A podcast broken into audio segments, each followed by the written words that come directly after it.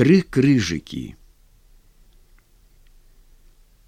Гэта былі незвычайныя святыя крыжы, якія мы бачым на могілках або ў царкве ці на абразах.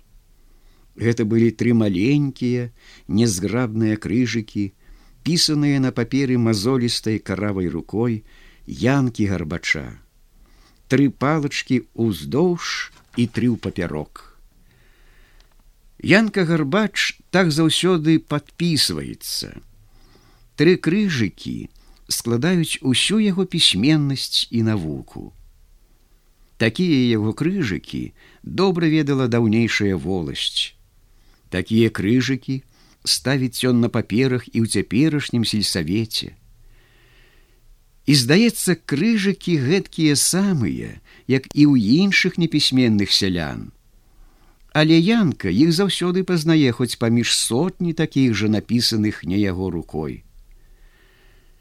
Ён іх пазнае так, як пазнае сваю касу, пугу ці свой воз паміж іншымі такімі ж прыладамі гаспадаркі. Ён іх пазнае так, як чалавек пазнае сваю авечку ў вялікім статку чужых авечак альбо бабу сваю на кірмашы сярод вялікай грамады баб у такіх жа як у яго жонкі хустках. А на першы погляд здаецца, што ніякай розніцы няма паміж крыжыкамі янкі гарбача і такімі ж грамзоламі іншых непісьменных сялян. Але гэта толькі здаецца. Янка гарбач, ведае свае крыжыкі як сваё імя. Шмат поту яны яму каштуюць кожны раз, як прыходзіцца яму падпісвацца. Янка сапе сабе ў бараду, вочы пільна наставіць у паперу, цэліцца доўга-доўга і пачынае выводзіць крыжыкі, нібы будыніну будуе.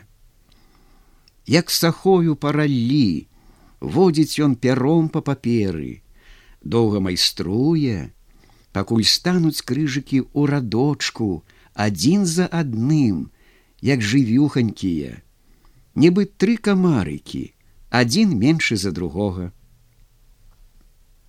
Янка ўкладае ў гэтую пісаніну усю сваю кемнасць, усю істоту, усе думкі і настроі, якімі ён перапоўнены ў той час.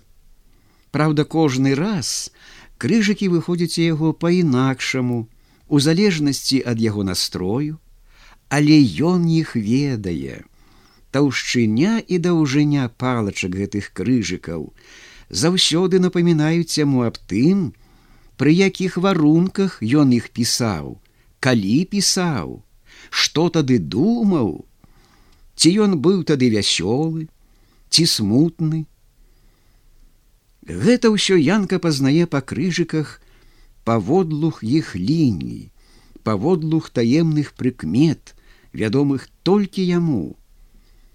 Пісьменныя людзі ставяць пры гэтых крыжыках яго імя і прозвішча. Так даецца тлумачэнне да іх, каб у канцылярыі ведалі, што гэтыя крыжыкі азначаюць янка гарбач. Янка вельмі ганарыцца тлумачэннем пісьменных. Жартачкі. Ён так мудра піша, што тлумачэнне патрабуецца. У янкі тады з'яўляецца на твары выраз надзвычайна вучонага чалавека. Янка гарбач бывае на ўсіх сходах, усюды выступае з прамовамі і на ўсіх рэзалюцыях аб кааператыве, аб школе, аб пераходзе на шматполле мітусяцца яго тры крыжыкі. Ставіць свой подпіс крыжыкамі для яго хоць і цяжкая праца, але ён гэта вельмі любіць. Вугольчыкам на сцяне іх крэмзае, зімой па снезе кійком малюе. А калі часам задумаецца, дык пальцам перад сабой у паветры іх пачынае выводзіць, нібы па ўспацеўшай шыбіне. Кінь нарэшце свой магільнік, казаў аднаго разу настаўнік іхняй вёскі янку гарбачу. які магільнік здзівіўся янка і выставіў на настаўніка пару вострых як цвікі вачэй. Які які? Свае тры крыжыкі лёгка усміхнуўшыся мяккім голасам вытлумачыў настаўнік. Як тры крыжыкі? Мой подпіс янка так аслупянеў нібы настаўнік казаў яму каб ён ножом адрэзаў свой нос і кінуў у сметнік пры гэтым ён у паветры напісаў пальцам тры крыжыкі цяпер усе павінны ўмець пісаць і чытаць вёў далей сваю гутарку настаўнік выразна і цвёрда не адступаючы ты вось кожны раз прыходзіш да мяне каб я табе чытаў розныя звесткі розныя паведамленні газету законы аб зямлі іншыя патрэбныя справы. Настаўнік доўга гаварыў яму аб патрэбе ўмець пісаць і чытаць. Янка гарбач маўчаў. Ён апусціў голову апусціў цяжка нібы бязмен узвешаны ўніз галоўкай. Кучма рыжаватых поджарыстых валасоў настаўленых супраць твару настаўніка была нямым доказам янкі. Здавалася што ён хоча бадаць настаўніка ў грудзі сваёй успацеўшай лабацінай з невідочнымі рагамі за такое прыставанне. Выразу твару янкі не было відаць але па ўсім целе як бы прабегла знутры думка тарганула ўсяго яго, скалатнула, нібы ветер яблыню і зноў захавалася глыбока ўнутры. Шкада зрабілася янку сваіх крыжыкаў. Ён так да іх прызвычаіўся. Так прывыкае чалавек да сцен турмы, у якой прыходзіцца сядзець яму доўгі час. Пры вызваленні з няволі, Ён пачынае сумаваць па сваёй каморцы з жалезнымі кратамі. Настаўнік назіраў за янкам. Усім станам сваім ён быў напружаны і чакаў, што ж будзе далей.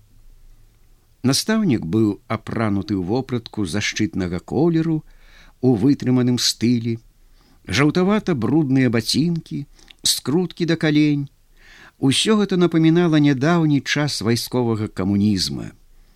Выгляд настаўніка, вырваны з эпохі грамадзянскай вайны, нібы клінам урэзаўся ў наш час мірнага будаўніцтва.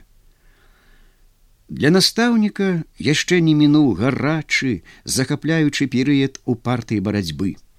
Тры гады ён жыве вось у гэтай глушы, увесь свой час змагаецца з вясковай цемрай.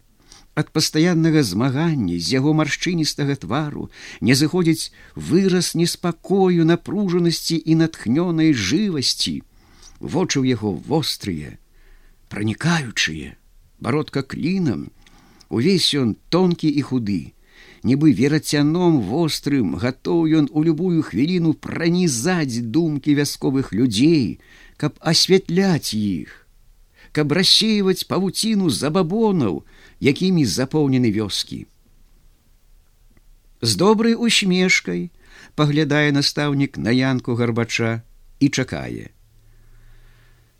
А ў янкі думкі скачуць з месца на месца, лётаюць, як перапалоханыя авадні, мітусяцца ў яго галаве крыжыкі, якія ў штодзённым жыцці у практычнай працы у адносінах з людзьмі звязвалі яго злучалі з той культурай навукай чалавечай якая мае за сабой много тысячагоддзяў якая знаходзіла калісь свой пачатак вось ад такіх жа крыжыкаў. Да гэтага часу янка бачыў толькі карысць ад сваіх крыжыкаў. Толькі вось у гэтую хвіліну ён павярнуў аглоблі ў другі бок. І давай у думках шукаць усе невыгоды крыжыкаў, усю несуразнасць сваёй цемнаты. Сапраўды магільнік нейкі, падумаў янка, колькі ён папер падпісваў такімі крыжыкамі, не ведаючы, што напісана ў гэтых паперах, а потым прыходзілася ці рабіць патыліцу, ваяваць, судзіцца і новыя глупоты чыніць. А ўсё дзеля чаго? Што ён чалавек непісьменны. Жыць далей з крыжыкамі нельга, цвёрда падумаў Янка, трэба над крыжыкамі паставіць крыж прагаварыў ён голасна во-во падхапіў гэтыя словы як самае каштоўнае і дарагое настаўнік. Вочы настаўніка засвяціліся радасцю. Новая перамога. Значыць будзеш у мяне вучыцца?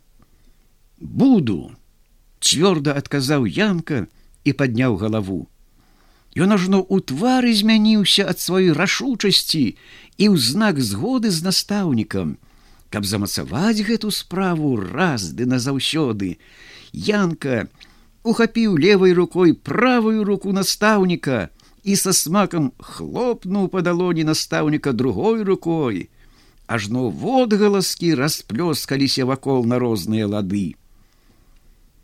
Так Янка, заўсёды рабіў пры самых важных момантах свайго жыцця, калі гандляру цялё прадасць, альбо калі коня памяняе.